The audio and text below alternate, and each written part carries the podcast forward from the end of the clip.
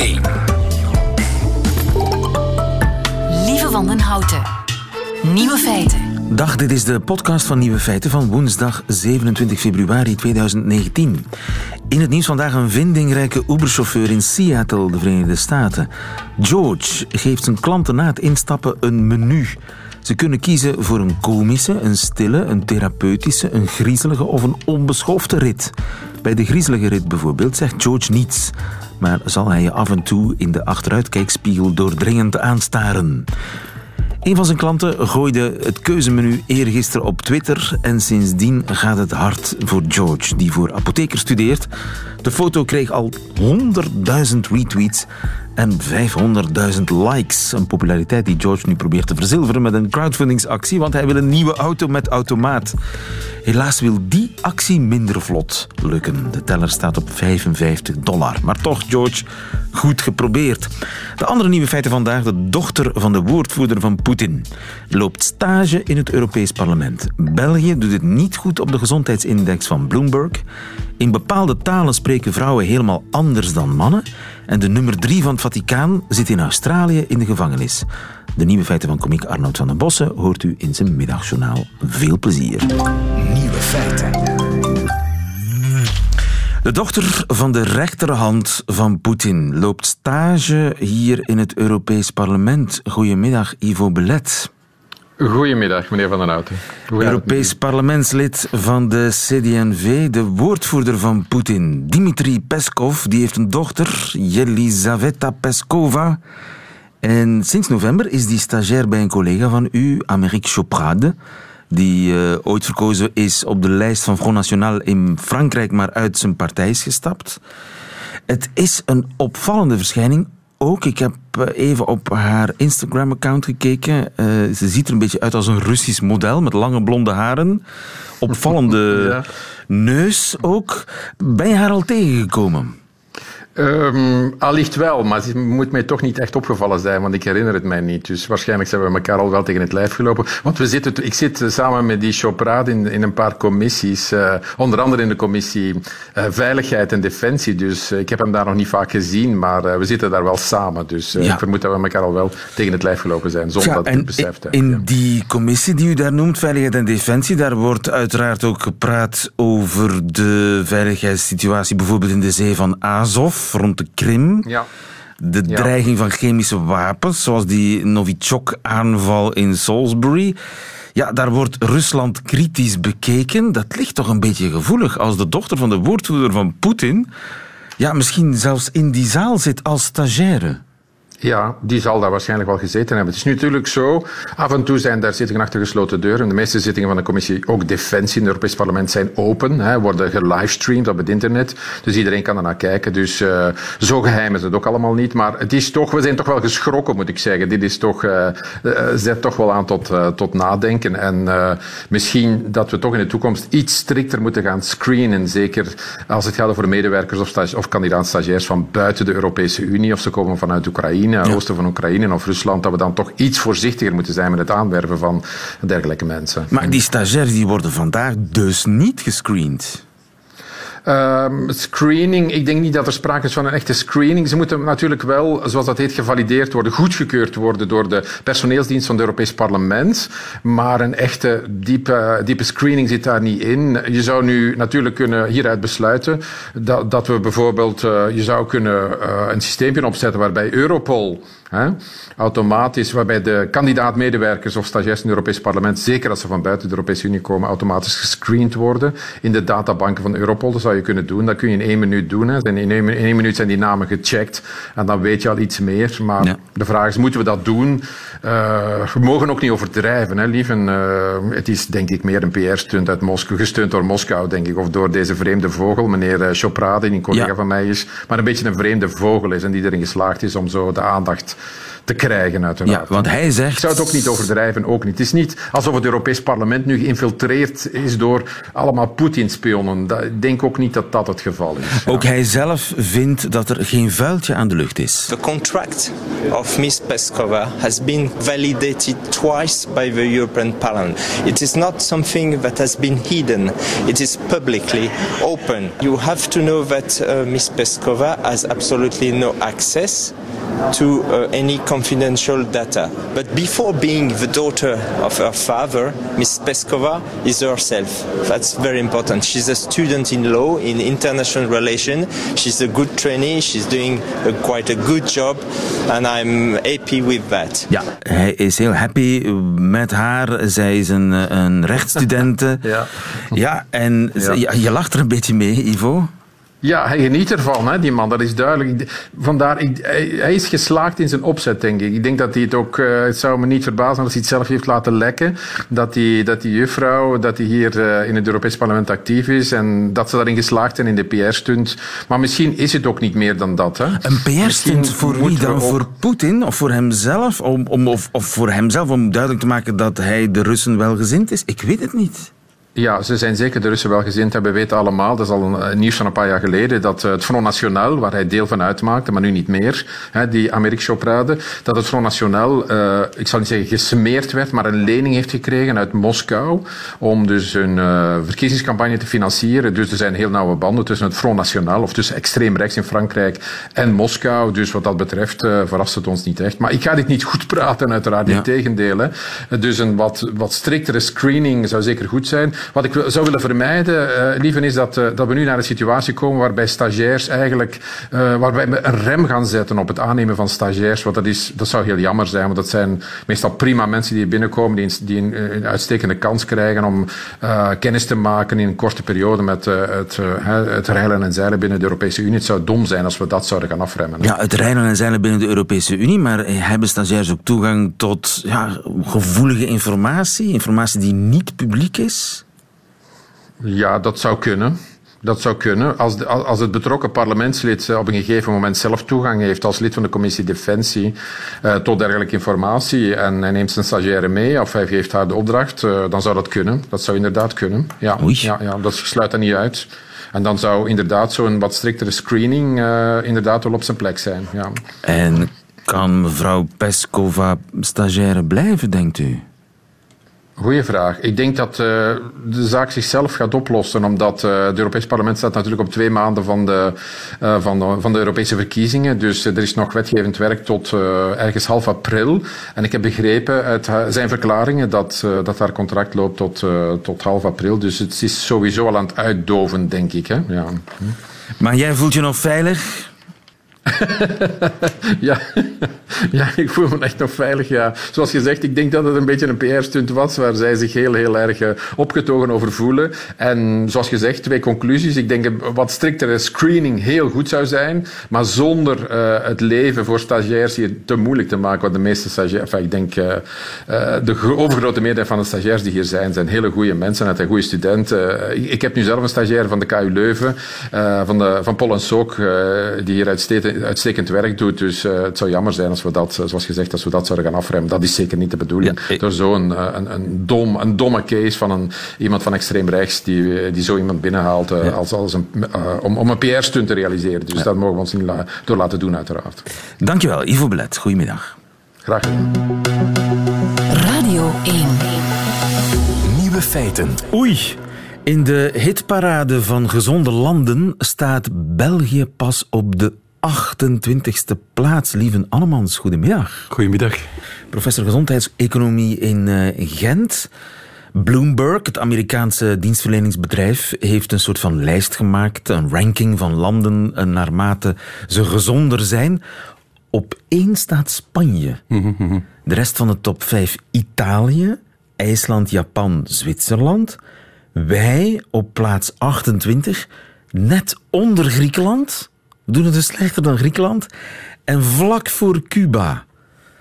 Fraai is anders, hè? Ja, inderdaad. Maar natuurlijk, uh, u zegt het zelf, het is een rangschikking van Bloomberg en het gaat over de gezondheid van een land. En niet over de kwaliteit van de gezondheidszorg, nee. maar over de kwaliteit van de gezondheid van de mensen. Dus de Belgen zijn eigenlijk redelijk vaak ziek, zijn niet al te gezond. Inderdaad, ze kijken naar levensverwachting, maar natuurlijk, levensverwachting heeft met heel veel dingen te maken. Maar ze kijken ook naar hoeveel mensen zijn obese, hoeveel mensen hebben een alcoholprobleem, hoeveel mensen zijn er met hoge bloeddruk. Depressief, Depressief, slaapproblemen. Inderdaad, en als ze naar al die factoren kijken, dan scoren wij minder goed. En dus de Spanjaarden zijn veel gezonder dan de Belgen. Ja, en onrechtstreeks heeft het natuurlijk ook met de kwaliteit van het gezondheidssysteem te maken. Want eh, in een andere recente rangschikking kwamen België uh, en, en bijvoorbeeld ook Nederland er zeer goed uit. Maar dat had dan meer te maken met de kwaliteit van de zorg op zich. Dus maar we hebben gewoon heel veel zorg nodig. Ja, voilà, voilà, voilà. Daarom is die zorg ook zo goed. Klopt. Waarschijnlijk, omdat we zo ongezond zijn. Klopt. Uh, de twee hebben met elkaar te maken volgens mij. Als je in België kanker krijgt, heb je meer kans op overleven van die kanker dan in veel andere, misschien zelfs de meeste kans van alle landen in Europa. Ja, dus maar we krijgen veel kanker. Voilà, voilà. En dus daar richt die Bloomberg zich op. Wat zijn de factoren die onze kans op ziekte uh, beïnvloeden. En wij scoren daar niet zo goed. En ligt het uh, aan onze levensgewoonten? Ligt het aan, ja, bijvoorbeeld? Ja, maar we zien toch ook dat wij historisch gezien als, als land uh, de fout gemaakt hebben om, wel ik spreek niet graag in termen van fout en zo, maar toch, we hebben het toch de kans gemist om meer te gaan investeren in gezondheidspromotie en ziektepreventie. Het is pas sinds enkele jaren dat we, dat is trouwens ondertussen een bevoegdheid van de gemeenschappen, en dan zien we dat Vlaanderen daar sinds enkele jaren echt zeer actief mee bezig is. Ja, ja dus we hebben een hele goede gezondheidszorg. Ja. Daar ligt het niet aan. Onze dokters zijn perfect. Ja, wel... Uh, Oké, okay, ik overdrijf ja. misschien, ja. om het duidelijk te maken, maar eh, Preventie, ja. daar zijn we niet al te sterk. Daar hebben we eigenlijk een beetje de boot gemist. En sinds de verschillende staatshervormingen zijn daar meer en meer bevoegdheden gegaan naar de gemeenschappen. De Vlaamse gemeenschap doet het daar altijd maar beter. Maar in Wallonië is men daar een beetje achterop blijven hinken. En natuurlijk, de cijfers van Bloomberg gaan over België als geheel. En Vlaanderen doet het beter. Ja, ja sowieso. sowieso. Oh, ja. ja. Natuurlijk niet op alle vlakken. Bijvoorbeeld mentale gezondheid hebben we ook nog heel wat dat is ook een vooruitgang te maken. Sowieso. Maar rond bijvoorbeeld obesitas, rond hypertensie. Dus laten we zeggen, rond het promoten van gezonde levensstijl, gezonde voeding, lichaamsbeweging, doen we het wel beter dan onze, onze Waalse medeburgers. Maar maar ja, er is ook bij ons nog altijd ruimte voor verbetering hoor. Ja, en mentale gezondheidszorg, dat is ook een, een aandachtspunt. Wat gaat daar mis? Uh, op alle vlakken. Uh, eerst, en, eerst en vooral wat men dan noemt mentale gezondheidspromotie. Hoe zorgen we ervoor dat mensen geen mentale gezondheidsproblemen krijgen? Dat begint al in de scholen, dat begint ook op, in de werkomgeving, de manier waarop we met elkaar omgaan. Dan gaat het over het herkennen en erkennen van een mentaal gezondheidsprobleem. Ook daar is nog werk aan de winkel. En dan, eenmaal dat iemand een probleem heeft, moet er natuurlijk ook goed kunnen behandeld worden. Daar zien we bijvoorbeeld dat uh, psychotherapie bij ons niet terugbetaald wordt, nog steeds niet. Dus het is eigenlijk in het ganse spectrum dat we op het vlak van mentale gezondheidszorg het ook niet zo goed doen. Ja. Maar uh, we hebben goede dokters. Ja. Zijn die dokters te duur? Wel, in een andere ranking van, van Bloomberg doet veel rankings. Ze hebben ook een ranking rond wat ze dan noemen efficiency, dus de, de doelmatigheid van het systeem. En dan komt België er ook niet goed uit, want dan zeggen ze ja, België geeft heel veel uit aan gezondheidszorg. En toch is het resultaat dat we zien in termen van gezonde levensverwachting niet zo goed. Ja, ja die Bloomberg kijkt naar efficiëntie. Het zijn economen. Uiteraard, ja. uiteraard. En uh, zij gaan er natuurlijk vanuit dat een performant gezondheidssysteem ook leidt tot een performante economie. Want wanneer meer mensen gezond zijn, zal de economie ook beter draaien. Dat is natuurlijk hun agenda. Maar uh, ze hebben terecht een, een, een, bedenking bij ons systeem dat we enerzijds overconsumptie zien, dus dat bepaalde dingen te veel gedaan worden, dat, dat nog altijd soms het gevoel is dat alles kan en mag.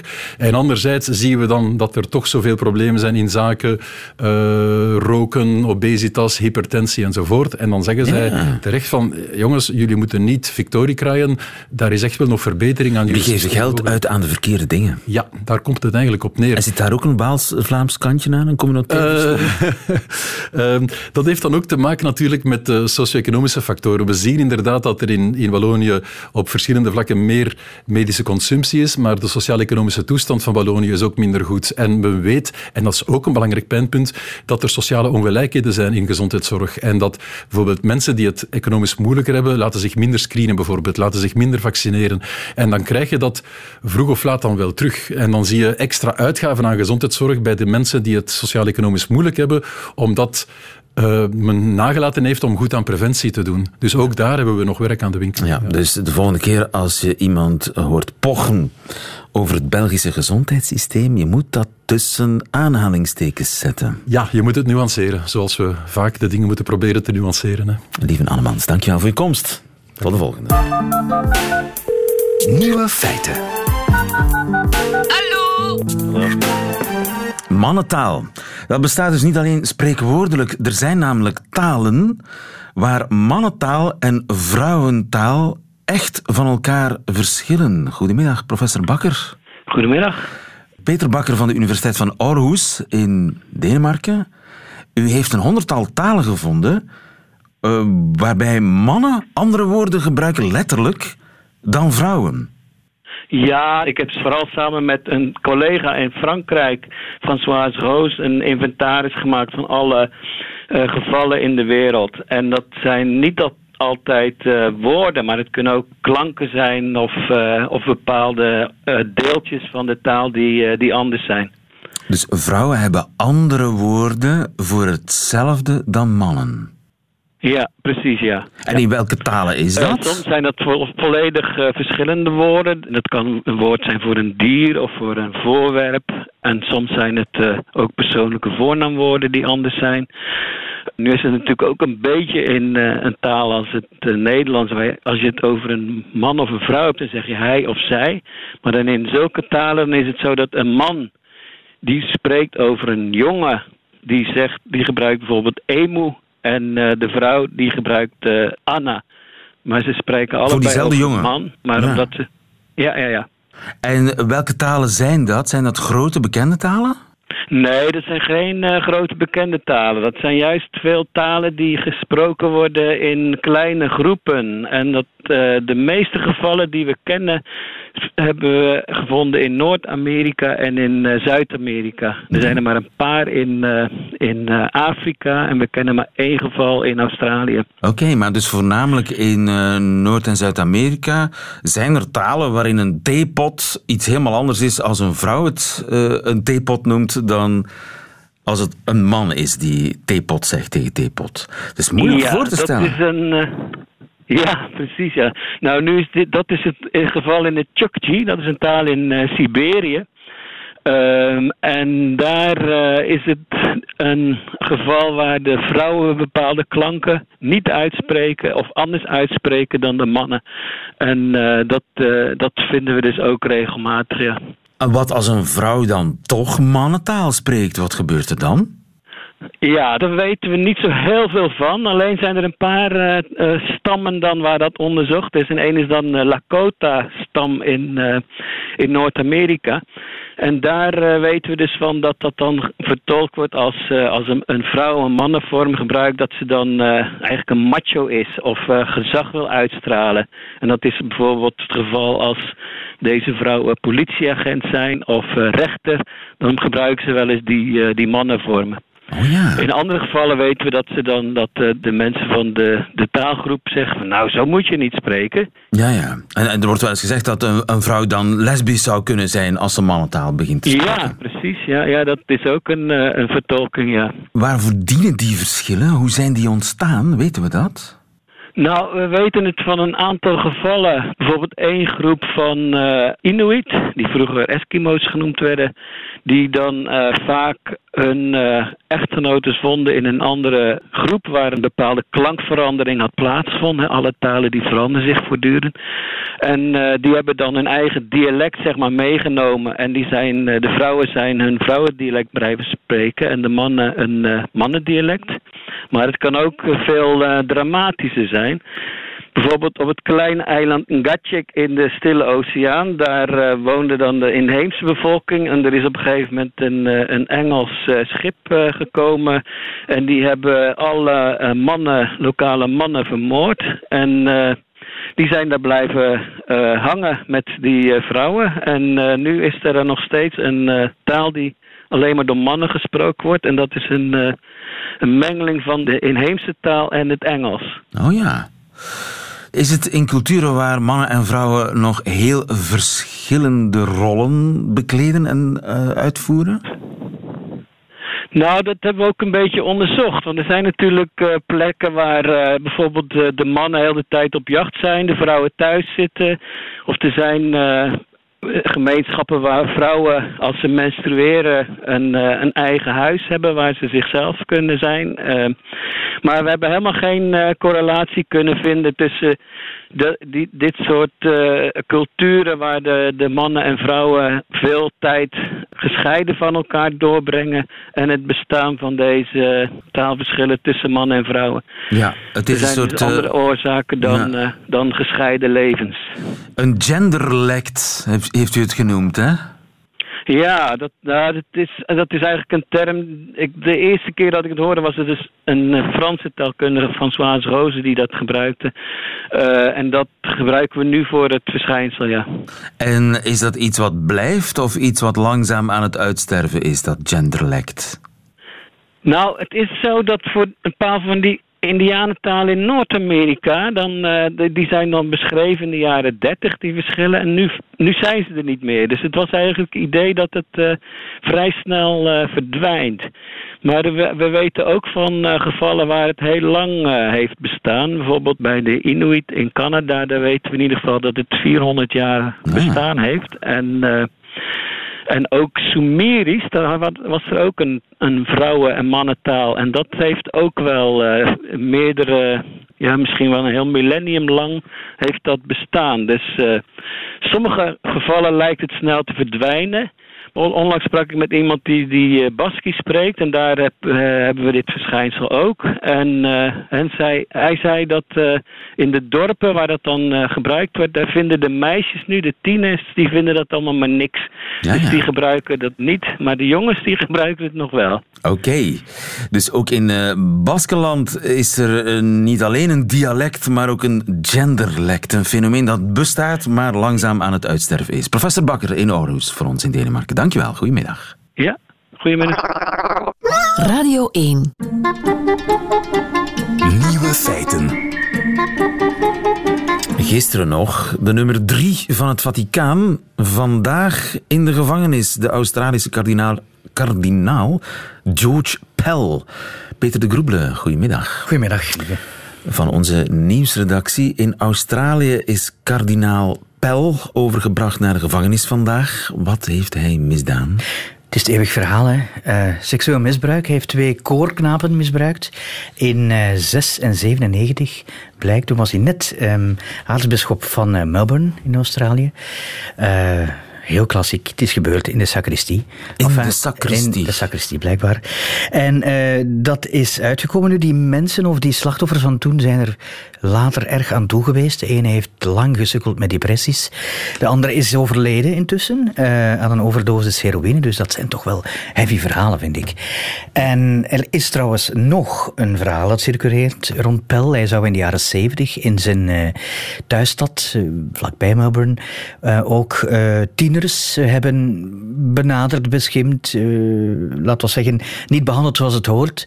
Maar dat is dan toch van de juridische tafel geveegd wegens te weinig bewijzen. En een uh, key witness, zoals het dan heet, een uh, kroongetuige, die is uh, weggevallen. Maar bon, hoe dan ook, twee duidelijke uh, ja, misbruikgevallen. En veroordeling. Daar, dat is echt een veroordeling. Rechter ja, heeft gezegd, ja, schuldig, dus gevangenis. De Australische televisie die ging uh, met uh, een van zijn slachtoffers ooit naar de school waar Pell ooit heeft lesgegeven. This is a house of horror. And the men I've met that went to this school all suffer similar symptoms, similar fears and similar nightmares. And they're the ones who are still alive today. The ones that are alive. There's, there's a, lo a lot of people went to this school are no longer alive. A Place of Horror, die school waar hij heeft lesgegeven. En dit slachtoffer beweert dat er slachtoffers zijn, andere slachtoffers, die niet meer in leven zijn omdat zij zelfmoord gepleegd hebben of overdosissen, of in ieder geval zwaar, heel zwaar door uh, deze seksuele misbruiken zijn getekend. Welke straf riskeert hij? Wel, het is trouwens heel straf wat ik hier hoor. Ik ken het fragment niet. Dit zegt alles natuurlijk. Hè.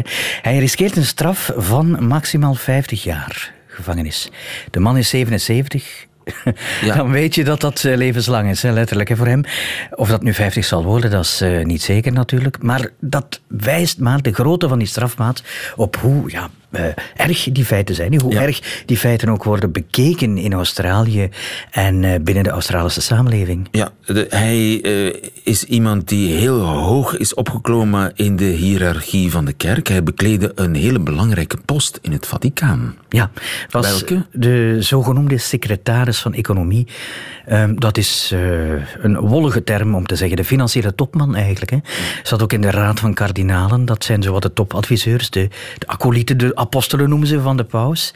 Dus had heel veel te zeggen. Uh, was de nummer ja, drie, na de paus die op één staat natuurlijk. Dan heb je de staatssecretaris, kardinaal Parolin is dat. Uh, en dan had je deze man, en George nummer, Pell. Ja, de nummer drie van het Vaticaan, vandaag in de gevangenis. Hoe mhm. reageert het Vaticaan hierop? Wel, gisteravond heeft de paus daar heel direct op gereageerd door de man die eigenlijk al op non-actief stond een tijdje, zowel in zijn functie als in uh, contact met minderjarigen, uh, door hem direct uit die functie te, te zetten. Dus hij was al sinds gisteravond geen secretaris van economie niet meer, was al dus uit de curie Maar gegooid. al bij al vrij voorzichtig dan toch, want hij was het in naam nog altijd, tot gisteravond. Ja, absoluut. Maar dat is rechtspraak natuurlijk. Hè. Dat gaat over iemand moet veroordeeld worden voor wanneer je kan ingrijpen.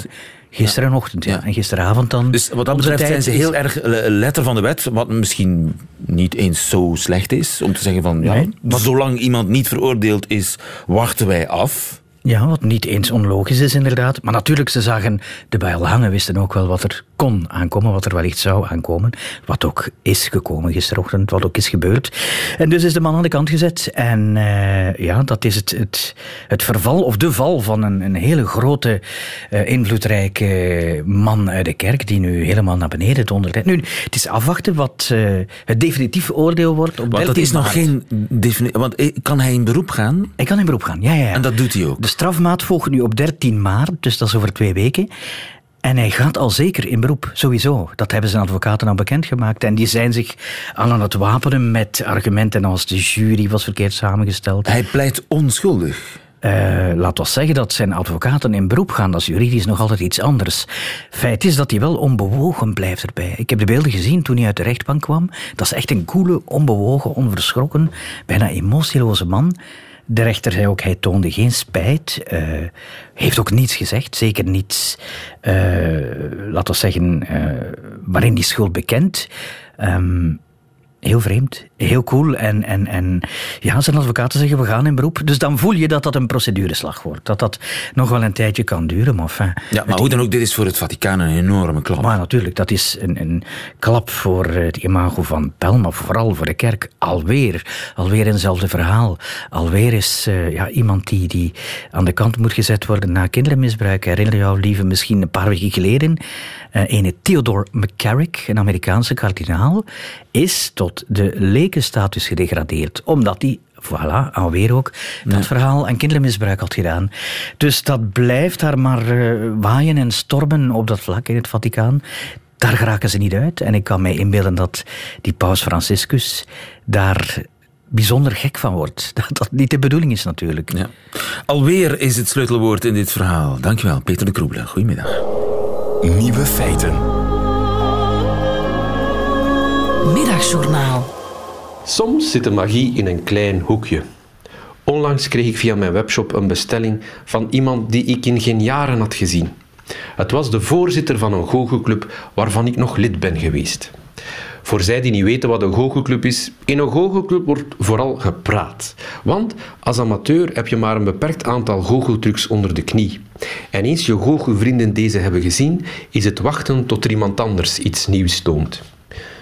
Dus wordt er vooral gepraat ergens in een bovenkamertje van een plaatselijk café dat anders toch leeg zou zijn die avond. Eigenlijk is het één groot wachten op een vleugje magie. omdat het zo lang was geleden en ik nog eens wou weten hoe het eraan toe ging in de goochelwereld, dacht ik het pakketje persoonlijk te gaan afgeven, want ik was toevallig toch in de buurt die zondag. Kom toch binnen, zei hij. Zijn vrouw was op reis voor meer dan een week, dus zat hij alleen thuis. Hij was ondertussen al enkele jaren op pensioen. Weet je, na die grote show van vijf jaar geleden ben ik uit de goochelwereld gestapt, zei hij. En ik dacht, verdorie, dat is hier direct het einde van ons gesprek. Maar niks was minder waar. Want voor ik het goed besefte, we het over zijn oude liefde, muziek maken, de nood van een man aan een mijnkeef, hoe hij daarmee het evenwicht vond met zijn vrouw, die graag op reis ging. En die vrouw was eigenlijk zijn tweede vrouw. Verder bleek hij een groot deel van zijn leven in het leger te hebben gezeten als officier in de tankdivisie. Heb je zin om hier te eten? vroeg hij.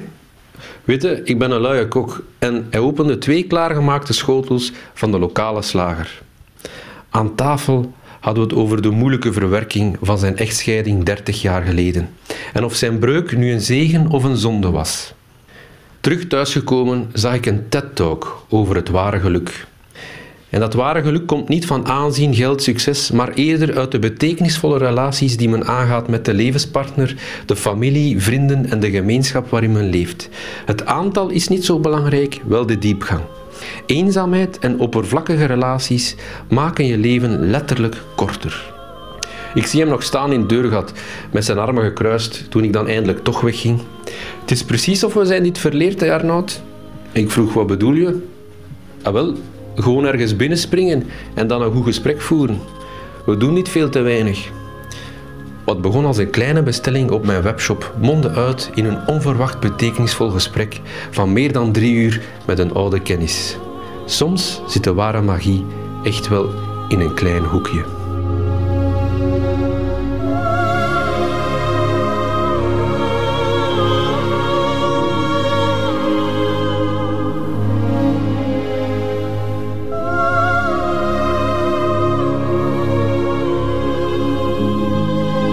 Arnoud van den Bossen in het middagjournaal van Nieuwe Feiten. Meteen het einde van deze podcast, maar u vindt er nog veel meer op radio1.be en op de gebruikelijke podcastkanalen. Tot volgende keer.